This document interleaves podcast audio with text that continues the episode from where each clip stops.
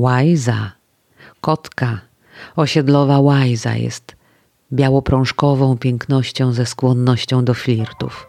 Przez te swoje okrągłe oczy, które mruży na sto sposobów, ma fanki w każdej klatce.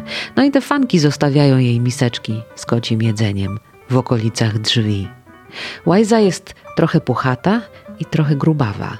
No i gubi białe kłaczki, kiedy akurat zajrzy do mnie, na moją miseczkę, to jest w mieszkaniu tak, jakby stacjonowały tu białe renifery świętego Mikołaja.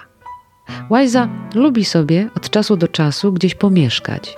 Wysiaduje wtedy fotele, poduszki, zna przyjemne uczucie usadawiania się centralnie na klawiaturze. Nie musi być nie musi czyjaś, być czyjaś, czyjaś, Nie musi być czyjaś, żeby traktować w ten sposób różne klawiatury i różne mieszkania i różne miseczki.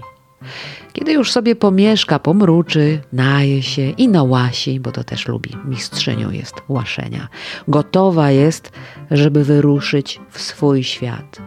Staje pod drzwiami i żadne miejskie obyczaje nie są w stanie jej przekonać, że mm, mm nie. -e.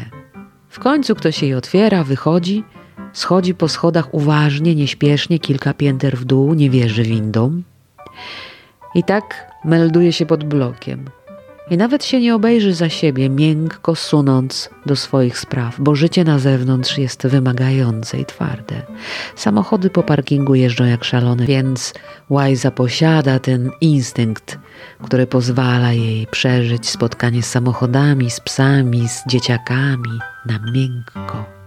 Wolna jest poza tym, wolna, bystra i ładna. Przepis na dobre życie Tyle się muszę jeszcze od tej łajzy nauczyć.